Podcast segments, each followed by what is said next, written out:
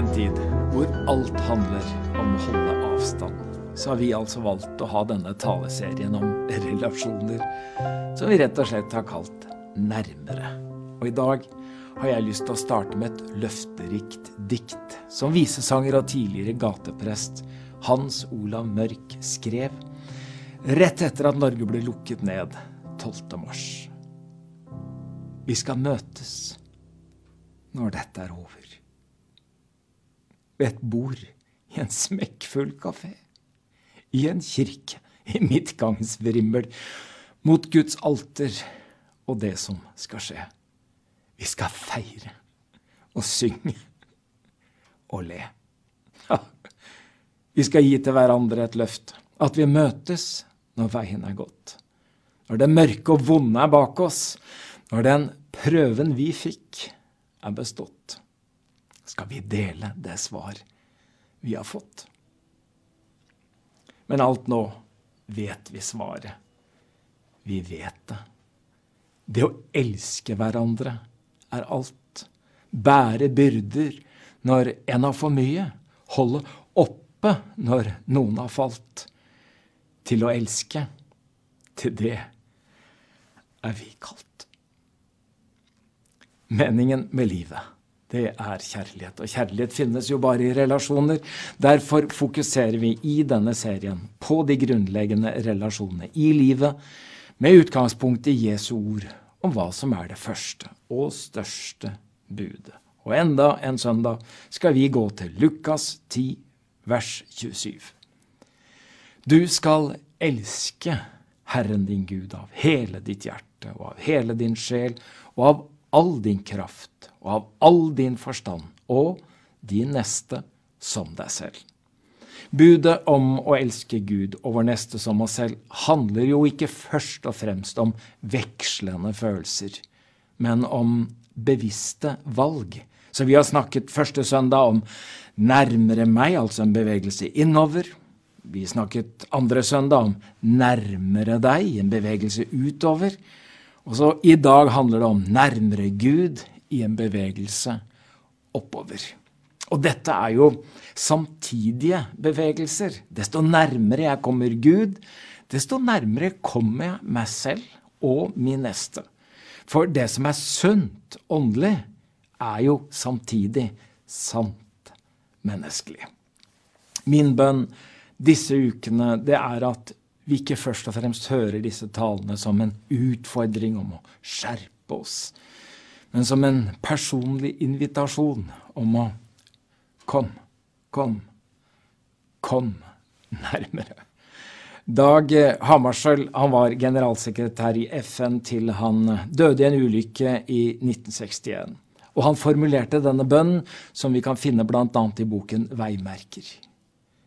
Gi meg et rent sinn, at jeg må se deg. Et ydmykt sinn, at jeg må høre deg et kjærlig sinn, at jeg må tjene deg. Et trofast sinn, at jeg må bli i deg. Og Jeg tenkte jeg skulle starte med å si noe om lengsel etter Gud. For hvorfor skapte Gud oss mennesker? Det kan jo ikke ha vært fordi han hadde behov for noen å elske. For Gud må ha alle behov oppfylt i seg selv. Så svaret må være å finne i hvem Gud er.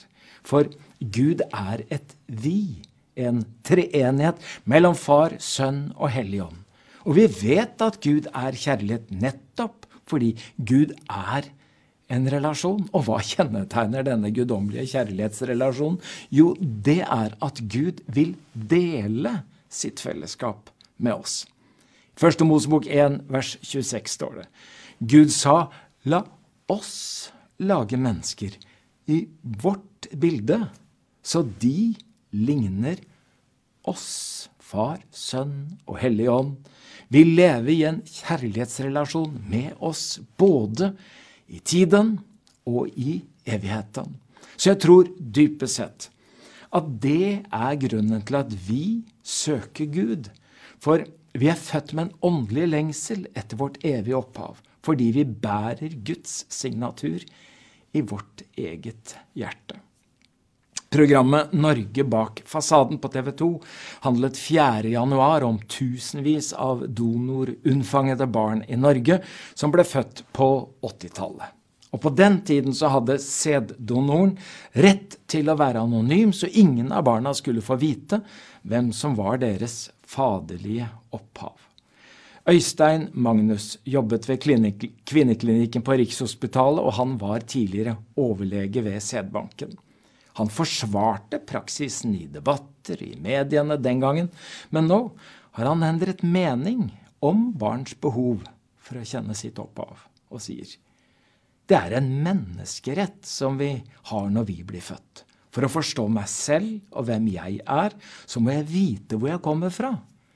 Å bli fratatt den muligheten syns jeg er et rov mot mennesker som blir født, sier legen i dag.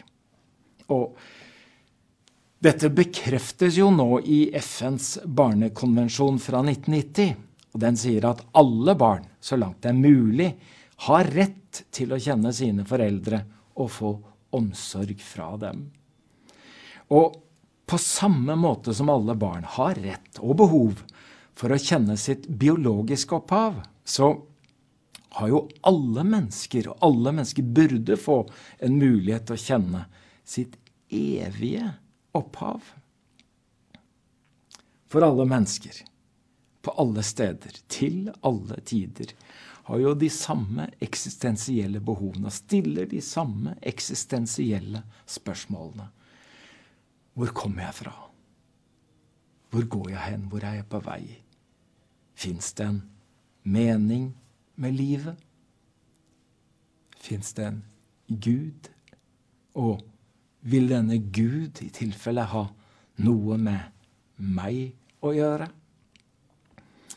Veldig mange mennesker forteller om at de har hatt en sterk fornemmelse av å være kalt av Gud uten å vite hvem Gud er, og hvordan de kan få kontakt. Og det er denne tørsten som driver oss til kilden. Og, salme, og Salme 42 har overskriften 'Lengsel etter Gud'. Det står i vers 2 og 3 og 8. Som hjorten lengter etter bekker med vann, lengter min sjel etter deg, min Gud. Min sjel tørster etter Gud, etter den levende Gud. Når skal jeg få komme fram for Guds ansikt? I vers 8 står det dyp roper til dyp. Så den dype lengselen vi kan kjenne etter Gud, er et ekko av den lengselen som Gud har etter oss. For dyp roper til dyp. Og De foregående søndagene i denne serien så har vi hentet fram fortellingen fra Lukas 15 om faren med de to sønnene. Om den yngste som reiste langt bort, men fant seg selv og kom hjem. Den eldstebroren som var hjemme, men som ikke ville komme inn. Og det er heldigvis ikke noen av de to bortkomne sønnene som er hovedpersonen i den fortellingen. Det er den kjærlighetsfulle faren. Han har ingen å miste og gjør alt han kan og gir alt han har for å leve i en kjærlighetsrelasjon med sine barn. Gud, du har skapt meg, og mitt hjerte er urolig inntil det finner hvile i deg, sa kirkefader Augustin. Nærmere Jesus. Eh, historien og erfaringen har jo lært oss at vår åndelige lengsel og religiøse søken kan føre oss på helt ville veier. Alle veier fører ikke til Rom, og alle religioner fører ikke til Gud. Det var jo derfor Jesus kom. I Johannes 14, vers 6 sier Jesus, 'Jeg er veien, sannheten og livet'. Ingen kommer til Far uten ved meg. Så Jesus er veien til Gud. Han er sannheten om Gud og livet i Gud i bestemt form. Entall. Å kalle fra Gud er altså ikke først og fremst et kall til å gå eller et kall til å gjøre, men et kall til å komme Ikke som en kommando eller en befaling der du ikke har noe valg, men nettopp en invitasjon som du kan velge å svare ja eller nei til. Men kallet er 'kom'. Og Jesus sa ofte 'kom og se', 'kom og hør', 'kom og følg', sier Jesus. Gud er jo alle menneskers Gud, men det er bare Jesus som kan gjøre oss til Guds barn. Og den allmektige himmelens og jordens skaper blir vår far når vi tar imot Jesus Kristus. I Johannes 1, vers 11 og 12 står det Han kom til sitt eget, og hans egne de tok ikke imot ham. Men alle som tok imot ham, dem ga han rett til å bli Guds barn, de som tror på hans navn. Å være Guds barn, det er en rett jeg får. Det betyr at jeg ikke kan gjøre noe uh, som gjør meg mer til Guds barn, eller jeg kan heller ikke gjøre noe som gjør meg mindre til Guds barn. Det er en rett jeg har fått. Så hva jeg gjør eller ikke gjør, berører jo ikke min posisjon hos Gud, men det vil berøre min relasjon til Gud. Så her er det viktig å skille eh, mellom vår stilling som Gud tilregner oss, altså rent objektivt, rett til å være Guds barn, og den tilstand som vi tilegner oss rent subjektivt som Guds barn. Så det er også naturlig nok ikke snakk om å, det å komme nærmere Gud handler om å bli mer eller mindre Guds barn posisjonelt, men å komme nærmere vår himmelske Far relasjonelt. Og det kjenner vi igjen fra ekteskapet. Eh, vi kan ha sivilstatus og juridisk stilling som gift. Det er fakta. Vi kan bo under samme tak, vi kan sitte ved samme bord, og vi kan dele samme seng. Men det kan allikevel kjennes ut som om det er et helt hav imellom oss, relasjonelt. Da jeg ble kalt eh, til Filadelfia-kirka som forstander i 1995, så utløste det kallet et dypere kall i meg. Ikke først og fremst kallet til en oppgave, men kallet til et liv nærmere Jesus. Og den indre tørsten og lengselen drev meg til kilden i Bibelen, i bønnen, men også inn i noen nære fellesskap. Og De tre første årene talte jeg bare fra evangeliene om Jesus og fokuserte på vår relasjon til han. Jesus som vår frelser, Herre, bror, brudgom, yrde, venn, osv., osv. Jeg innledet hver tale med ordene Vi fortsetter temaserien Vi forkynner Kristus i bønn og mer Jesus-konsentrasjon og større Jesus-begeistring. Og så ba vi denne faste bønnen sammen. Herre Jesus Kristus, lær oss å kjenne deg bedre, så vi kan følge deg tettere og elske deg dypere.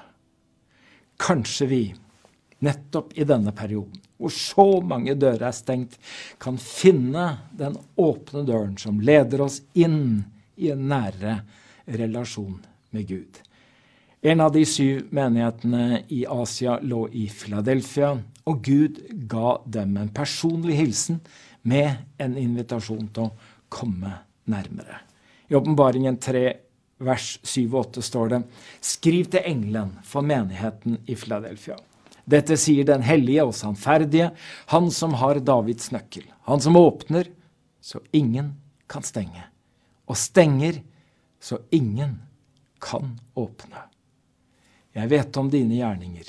Se, jeg har satt foran deg en åpnet dør som ingen kan stenge. For du har liten kraft, og du holdt fast ved mitt ord og ikke fornektet mitt navn. Altså ikke bare en åpen dør, som om det er noen som har glemt å lukke den, men en åpnet dør som var lukket, men som nå er åpnet. Og det er åpnet en dør til en nær relasjon med Jesus Kristus som ingen pandemi i hele verden kan stenge. Halleluja for det. Du skal ikke være lenge i Flaufjellkirka før du hører begrepet helhjertet etterfølgelse. Helhjertet etterfølgelse. Og grunnen til at dette gjentas så ofte, både skriftlig og muntlig, det er jo at det er et uttrykk i vår felles visjon. Og det er å lede mennesker som ennå ikke tror, til helhjertet etterfølgelse av Jesus. Vi erkjenner selvfølgelig at det meste i våre egne, men også i menighetens liv, er stykkevis og delt. Men lista er lagt, og målet er klart. Helhjertet etterfølgelse. Og Jesus sier jo det, at det er det største og første budet. Du skal elske Herren din Gud av halve hjertet, av litt av hjertet. Nei, av hele ditt hjerte og av hele din sjel. Og Hva dette innebærer, og hvordan dette kan bli vår virkelighet, det ser vi jo aller best eh, hos de aller første etterfølgerne. Jesu disipler var som oss, var en sammensatt gjeng med ulike bakgrunner og erfaringer, personligheter, talenter, motiver, ambisjoner og ikke minst forventninger. Evangeliene snakker sant om disiplenes svake sider, men også om hva som skjer med dem når livet over tid preges av nærheten til Jesus. For den som følger Jesus, vandrer i et skiftende landskap. Fra dype daler med mørke skygger til store høyder i et strålende lys. Som i et avsnitt i Lukas 9, hvor Jesus snakker nettopp om hva det innebærer å følge etter han. Og da kommer fortellingen der Jesus tar med seg Peter, Jakob og Johannes opp i fjellet for å be. Og der oppe får disse tre se Guds herlighet. Han tok med seg de tre. Hvorfor ikke alle tolv? Hvorfor bare disse? Og det er det jo selvfølgelig bare Jesus som vet svaret på. Men Kanskje vi velger selv hvor nær Jesus vi vil leve. At det var disse tre som fulgte tettest på og, og, var villige til å gå lengst. At det rett og slett var deres eget valg, slik det alltid er. At noen disipler de søker seg nærmere Jesus enn andre. Slik Jesus også hadde en sterk lengsel etter å komme nærmere sin far. Og kanskje det er derfor eh, han så ofte trekker oppover i landskapet. For gjentatte ganger så leser vi at han gikk opp i fjellet for å be, i en slags bevegelse oppover. Og I Lukas 9,31 står det at de talte altså der oppe på fjellet om den utgangen livet hans skulle få, om det han skulle fullføre i Jerusalem. Så det ser ikke ut som om Jesus søkte Guds herlighet. Han søkte Guds vilje for seks måneder fram i tid. Leder ikke Jesus disiplene opp på et solfylt fjell med himmelsk herlighet, men ned i den mørke Kedrondalen og inn i Getsemane. Og den skjærtorsdagsnatta kjempet han sin dødskamp. Da fikk ikke disiplene se Guds herlighet i Jesus strålende ansikt. De så hvordan helvetes gru gjorde svetten til blod i det samme ansiktet. Også i Getsemane var det de samme tre, Peter, Jakob og Johannes, som fulgte han litt lenger og kom litt tettere på enn de andre. Og Jesus trengte all den støtten han kunne få, men ånden var villig, og kroppen var svak. Så alle disiplene sovna av utmattelse. Og hva gjorde Jesus med det? Ingen ble sendt hjem eller vist bort. Men den veien mesteren måtte gå, kunne ingen av disiplene følge ham på. Iallfall ikke nå. Peter, som var den naturlige lederen i disippelflokken, fornektet da han ble truet, men Jesus kjente både hans lengsel og hans svakhet, og sa til Peter I Lukas 22, 32 leser vi Jeg ba for deg at din tro ikke måtte svikte, og når du en gang vender om, da styrk dine brødre. Selv om Peter fikk et personlig møte med Jesus oppstandelsesdagen, så var han ikke helt på plass etter det store nederlaget. Men Jesus gir oss ikke opp, så punktum er ikke satt. Han skriver nye kapitler i våre liv. Og i det 21. kapitlet i Johannes evangelium, ja, det er Peters kapittel. Det står i vers 16, hvor Jesus spør Simon, sønn av Johannes, elsker du meg? Ja, Herre, du vet at jeg har deg kjære, svarte Peter. Jesus sier, vær gjetter for sauene mine. Jesus vant jo hjertet til Peter og de andre disiplene over tid. Og på tross av svik og svakhet ble nettopp disse våre store forbilder i helhjertet etterfølgelse. For det er kjærligheten til Jesus som avgjør hvor tett vi vil følge, hvor mye vi vil bære, og hvor langt vi er villige til å gå som etterfølgere av Jesus. Så la oss som avslutning på talen i dag samles i en felles bønn som vi henter fra denne gamle, gode salmen. Gjerne be sammen med. Nærmere deg, min Gud. Nærmere deg. Om det et kors enn er som løfter meg, synes meg veien trang, er det dog all min sang. Nærmere deg, min Gud. Nærmere deg. Gud velsigne.